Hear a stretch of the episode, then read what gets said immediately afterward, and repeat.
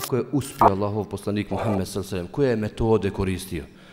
Prije nekoliko drsova započeli smo bili temu šta uzvišeni Allah koristi u Kur'anu, odnosno koje su metode korišćene u Kur'anu, da bi se odgojili ljudi. Sad vidimo kako je to Allahov poslanik Muhammed s.a.v. prilazio ljudima i kako je uspijevao da držite ljude oko sebe na prvom mjestu, a onda, odnosno na prvom mjestu kako ih je pozvao, pa onda kako ih je držao oko sebe da ti ljudi, da ti ljudi ne odu.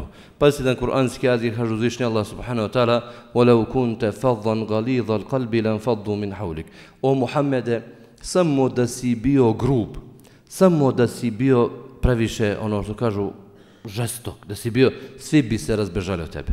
Svi bi se razbežali od tebe. Ovo, pazite, znači, nije sad ti ga pridobiješ, dobro pridobio si ga, on krenuo da klanja, šta ćeš sada mu radiš?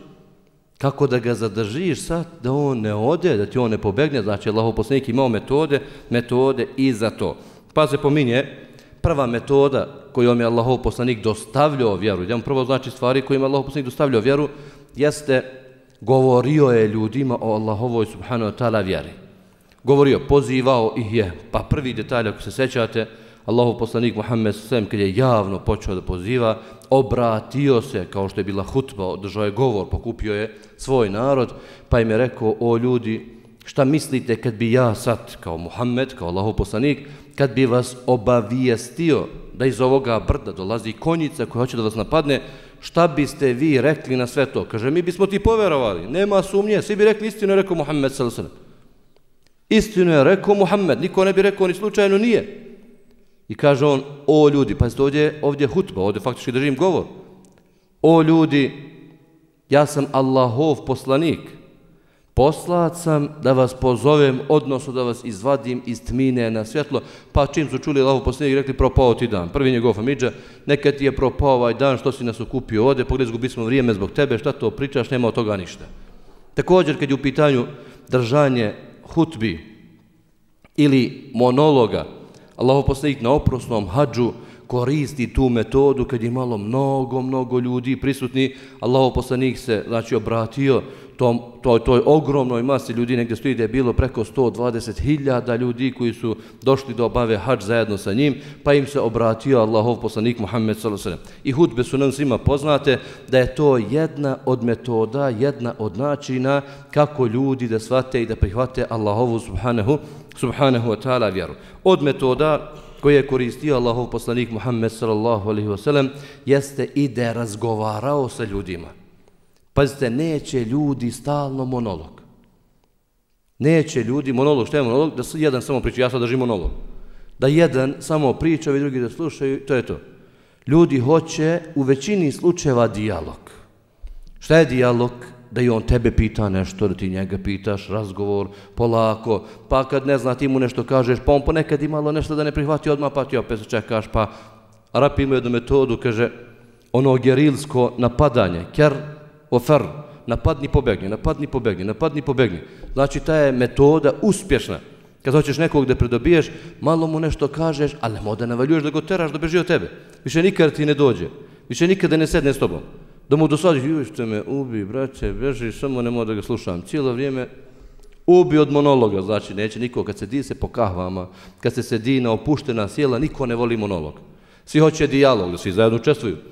Poneko ufati, ko ono hođe mikrofon, kad ufati ne pušta. Znači, i on cijelo vrijeme u kafta, ta jedan bi da priča stalno, ljudi toga beže.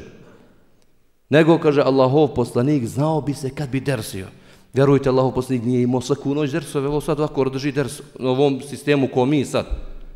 Kaže Allahov poslanik jednom sedmično ili eventualno shodno prilikama, kad bi se koja prilika ukazala, održao bi Allahov poslanik ders.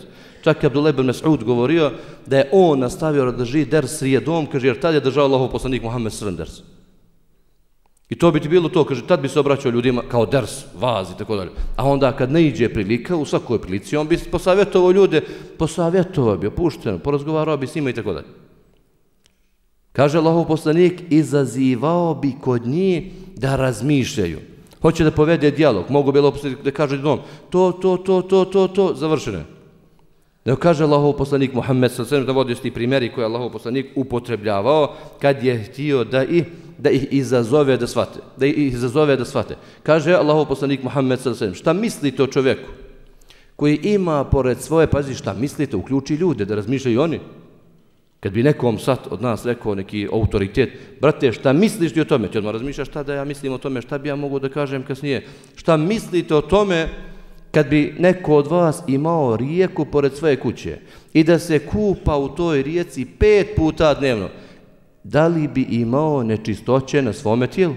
Pa sahabi kažu, pazi, uključuju se, on je mogao da nastavi dalje.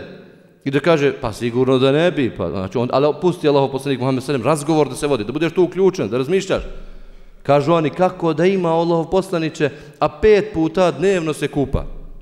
Da nastavlja Allah poslanik, e takav je slučaj sa insanom koji redovno obavlja pet namaza dnevno. Na njemu nema nečistoće.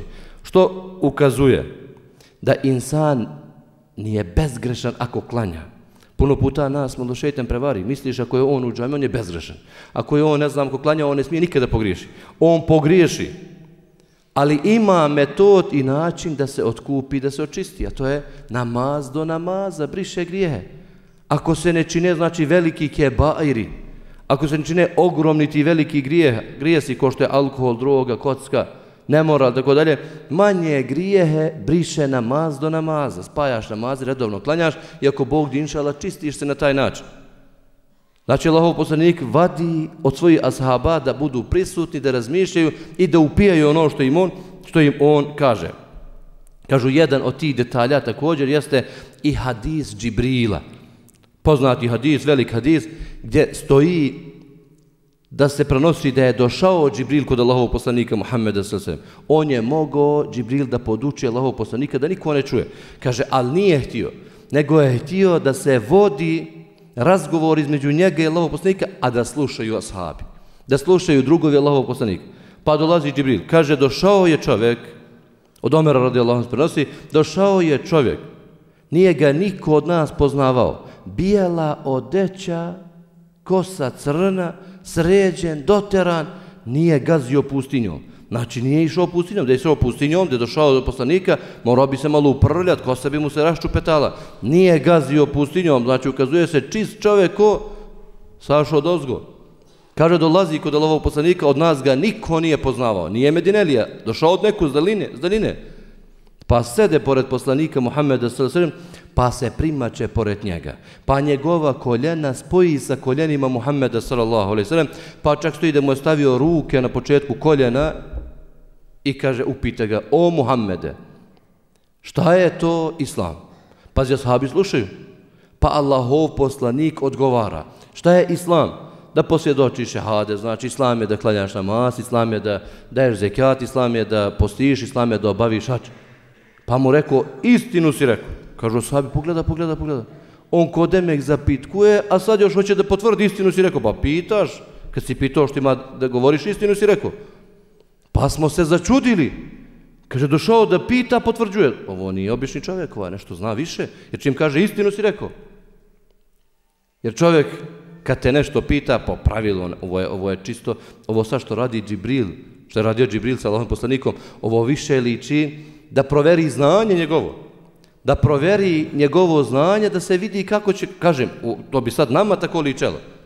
Jer čim ti rekne, super, dobro, odgovorio si tačno, pa ko ti sada potvrdiš tačno, pitaš mene jesi, kako treba. Što si me pitao, ako znaš kako treba. Kaže dalje, o Muhammede, šta je to iman? Pa mu Allah ponovo komentariše, iman je da vjeruješ u Allaha, njegove meleke, njegove knjige, njegove poslanike, da vjeruješ u sudnji dan, da vjeruješ da sve što se događa biva Božjom voljom i određenjem. Kaže, istinu si rekao opet. Stani bre čoveče, pa opet, kako sad istinu rekao, pa ti sad se ti pitao, istinu si rekao. Šta je to ihsan?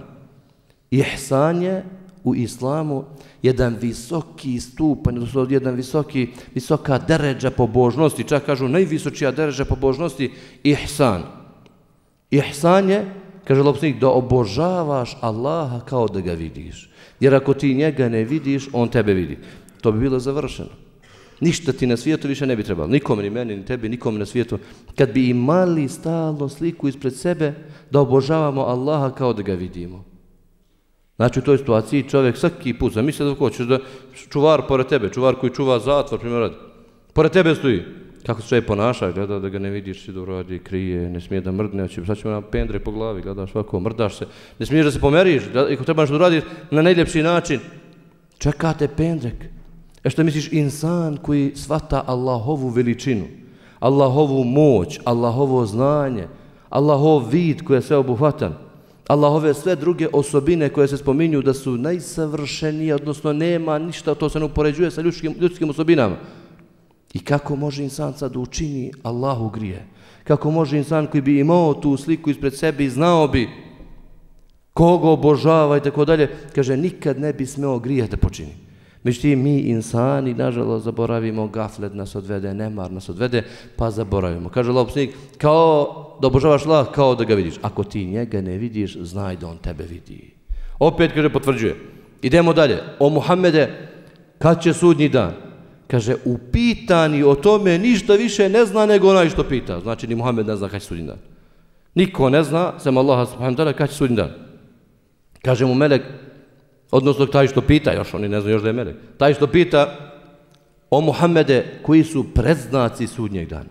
Kaže Allahov poslanik Muhammed sallallahu sallam, en telidel emetu rabbeteha, da rodi žena sebi gospodaricu.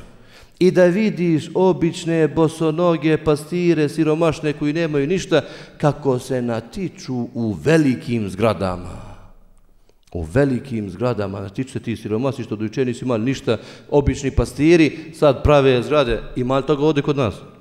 Da do, dojučerašnji pastiri koji su čuvali ovce po selima i urili po neku kravu tamo, džoj baljka, džoj šarka, kaže on sad pravi bate zgradu, ne pita. Dolazi preznak sudnje dana, a da vam ne govorim za arapski arapski dio ili tamo kod Arapa, koliko su otišle te zgrade do prije 30-40 godina, uzmite slike Dubaji prije 40 godina, kaže, ništa nema, pustinja obična. Sad kad vidite šta je Dubaji, mozak ne može da, da, da prihvatite te stvari koje su izdešavale tako brzo. Nakon toga, kaže, ovaj je otišao, okrenu se i ode. Onaj što je pitao, znači, pita Allah poslanik, znate li ko je ovo bio? Kažu Allah poslaniće, Allah i njegov poslanik najbolje znaju. Kaže Allah poslanik, ovo je bio Džibril, došao je da vas nauči propise vjere. Da vas nauči propise vjere. Kako? Da izvuče iz mene ovo što treba da kaže, a vi da slušate. A vi da slušate i na takav način, i na takav način da upijate i prihvatate Allahovu subhanahu wa ta'ala, subhanahu wa ta'ala vjeru. Pitaju, odnosno pita Allahov poslanik svoje sahabe, ko je najbolji musliman? Kaže sahabi opet, Allah i njegov poslanik najbolje znaju. Pazite, znači u dersu nije zgorega, to bi bila neka pozitivna metoda, ali mi još to ne smijemo da radimo. Pita čovjek koga, što misliš ti o tome, što misliš ti, što misliš ti? I kaže ljudi koji su tu prisutni, uključe se, nema vremena tipka na telefon, boji se će ga pita, on kaže nije, šta, šta reče, nisam, nisam čuo. Dok li si? Znači, bilo bi to dobro da se, da se ljudi drže, da, da razmišljaju, da fataju sve što se priča. I kaže Lopsi, ko je najbolji musliman? A sahabi kažu, Allah i njegov poslanik najbolje znaju. Kaže Allahov poslanik, najbolji musliman je onaj, men selim el muslimune min lisanihi u jedihi. Onaj od koga su muslimani sigurni od njegovog jezika i od njegovih ruku. Musliman, to je najbolji. Kaže Allahov poslanik, a ko je najboljeg imana? Pa opet, kaže Allah i njegov poslanik najbolje znaju. Kaže Allahov poslanik, najboljeg imana ili najbolji mu'min je onaj, da su ljudi sigurni da su ljudi sigurni od njegovih ruku, odnosno njihov imetak i njihova čast da bude sigurna od njega. Da znači imetak da im ne mahne, čast da ih ne ugrozi, da ih ne napadne. Pa Popet kaže Allahov poslanik Muhammed sallallahu alaihi sallam, kaže ko je muhađir? Šta je muhađir? Onaj koji čini hijđu iz Mekke u Medinu. Oni kažu Allahov poslanik, mi znamo da je muhađir taj koji čini hijđu. Kaže Allahov poslanik, to je završeno. Hidža je završena, kada je osvojena Mekka, više hidže nema, završena hidža. Kaže Allahov poslanik, pravi muhađir je onaj koji ostavi grije. Pravi muhađir je onaj koji ostavi grije i kloni se onoga, onoga što je što je loše. Znači Allahov poslanik je na ovakve načine pokušavao da pridobije svoje svoje ashabe, odnosno da pridobije ljude, pita određene stvari. Čak ima mnogo metoda gdje kaže Allah subhanahu o Muhammede, pitaj ih direktno o nekim stvarima da ih navuče da razmišljaju da ih navuče da razmišljaju mušrike, nevernike Meke. Ne samo da pita ove muslimane koji su oko njega sahabe, nego čak i nevernike, nevernike Meke. Kaže od metoda koje je još Allahov poslanik Muhammed s.a.v. koristio, jeste pokazivo je svojim dijelima određene stvari. Znači nekad nije govorio mnogo Allahov poslanik. Ko smo rekli, nije držao predavanja non stop, nego svojim dijelima bi pokazivao. Najbolji primjer jeste na Hudejbi. Kad su muslimani krenuli da obave umru, tad su i mušici zadržali, to je primjer je na Hudejbi, ugovor na Hudejbi, nisu mogli muslimani duđu u Meku dolazi naredba da muslimani zakolju svoje kurbane i da se vrate za, za Medinu priča Hudejbi imali ste priliku sigurno da slušate jer previše opština da ne spominjamo sve to. Uglavnom završava se tužni ashabi, nisu ništa uspjeli, nisu stigli do, do Mekke, željeli do Mekke. Na njihov tahmin, na tahmin ashaba, ugovor koji je Allahov poslanik Muhammed sem potpisao sa Suhejl ibn Amrom, njima se to ne sviđa. U istom trenutku Suhejlov sin Ebu Džendel vraćen za Mekku, primio islam, i ga vratiše opet mušicima, muslimani. Tamo u tom ugovoru piše da oni koji dođu iz Mekke u Medinu moraju da se vrate za Mekku, koji pobegnu kod muslimana moraju da se vrate, kod mušnika da i mušnici muče, da muslimani ne smiju da uđu trenutno u, u, u Meku sad, nego treba da čekaju sljedeću godinu, pa sljedeće godine kad budu došli moraju da dođu neoružani, da nemaju oružje nenaoružani, pa da mogu da budu samo tri dana, pa njima se to ne sviđa, ništa. Kaže, Allah posljedniče, ništa nismo učinili. Zašto ovo potpisao smo? Kaže Allah poslanik, Allah najbolje zna sve što sam uradio po Allahovoj naredbi. Dolazi situacija, kaže Allahov poslanik, zakoljite kurbane koje se dotirali do ovdje. Niko ne kolje kurban. Pazite, kaže sam ovdje nije bilo neposlušnost Allahovom poslaniku, nego vršili su pritisak na Allahovog poslanika da nastavi put, da idu za Meku. Ako pokolju kurbane, znali su da moraju se vratiti za Medinu. A ako ne, nego ne zakolju kurbane, ima šanse do sutra da se predomisli Allahov poslanik duđemo u Meku ponovo. Hoćemo za Meku. Pa ulazi Allahov poslanik kod svoje žene Safije u šator i kaže, nisu me poslušali ljudi. Rekao sam da zakolju kurban, nisu me poslušali. Kaže, žena, Safija, pametna, pronistiva žena, zna kako nje narod razmišlja, zna kako se nje narod ponaša. Kaže, Allah poslaniće, zakolji ti prvi tvoj kurban. Vidjet će šta će biti. Kaže, pa izašao Allah poslanik, zaklao svoj kurban, svi su ashabi zaklali svoje kurbane, više niko nije pomenuo. Jer su vidjeli da nema više čime svoj on kurban zaklao, ni dalje, završeno Pa su rekli, nema više odustajanja, pokoravamo se Allah poslaniće, pa, pa su zaklali, pa su zaklali svoje, svoje kurbane, znači nisu, nisu bili neposlušni, nepokorni, nego su htjeli da izvrše pritisak na Allahov poslanika da nastavi dalje, da nastavi dalje sa putom. Kažu također od metoda Allahov poslanika gledao bi svakog insana pojedinačno. Valaho vjera je mnogo zanimljiva. Ovo nema jedan šablon, stopostotni, moraš ovako da radiš. I završeno. Svi na istom šablonu da su ljudi. To je nemoguće. To je nemoguće.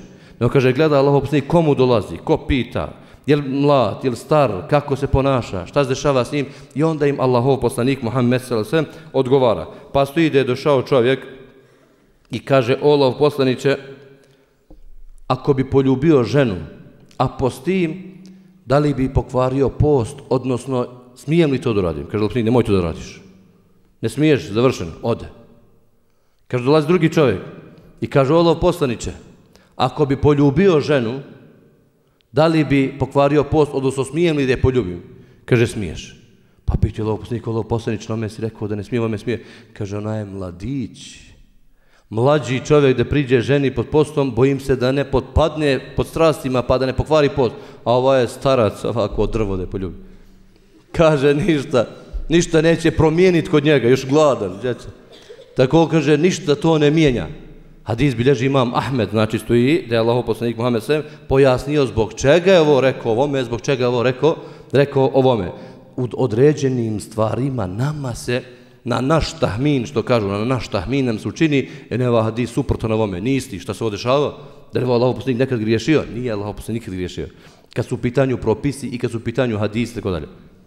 Zbog čega? Nego samo mi moramo da znamo, razlikuju se ljudi koji su pitali. Pa se dalje, dolazi čovjek i kaže, o, lov poslaniće, posavjetuj me. Posavjetuj me. Kaže lov poslanić, gleda tako da, nemoj da se ljutiš. Nemoj da se ljutiš, kaže on lov poslaniće, daješ nešto, još neki sav, nemoj da se ljutiš. Ponova lov poslaniće, nemoj da se ljutiš, tri put. Krva čovjek se okrenu i ode. Kaže, znao ga, Allah poslanik, da mu je kratak fitil, što kaže, brzo eksplodira. Brzo eksplodira, brzo se posvadi s ljudima. Za trenutka, kaže lopsnik, nemoj da se ljutiš, tebi je to osnovna osobina. Kad budeš naučio da presaboriš, da budeš blag, dođi za sljedeću da ti kažem treba dalje da radiš. Dolazi čovjek ponovo i kaže Lovom poslaniku, o lov poslaniče, daj mi neki savjet. Kažemo Lov poslanik, kul amentu billathum mestaqim. Reci, vjerujem u Allaha, zatim ustraj na tome. Njemu nije rekao, možeš ljutiš. Nego kaže, reci, vjerujem u Allaha, zatim ustraj na tome, nemoj da se kolebaš. Pazite, nekad ima insan kolebljiv. Čas ga vidiš, on u psija pet dva kata u džamiju, čas ga vidiš, dole igraju mu ramene na muziku. I njemu mora rekli, reci amen tu bila, vjerujem u Allaha i nemoj to da radiš. Ti si povjerovao Allaha, smantara, nemoj da budeš čas tamo u diskoteku časovo. Nego čvrsto se prihvati Allahove subhanahu wa ta'ala, Allahove subhanahu wa ta'ala vjere. Dolazi Beduin, Arab, i kaže, o Allah poslaniće, daj mi savjet, koji će mi pomoć, koji će me uvesti u džennet, kaže mu Allahu poslanik, obavljaj pet, odnosno vjeruju Allah na prvo mjesto, obavljaj pet dnevnih namaza koji su propisani. Daj zekat, posti Ramazan. Ako to budeš uradio, ući ćeš u dženet. Kaže ovaj čovjek, tako mi Allaha ništa neću ni dodat, ni, uz, ni oduzeti. Kad je zamako ovaj čovjek, kaže Allah poslanik, ako bude istinu kazao, on je stanovnik dženeta. Pogledajte ga.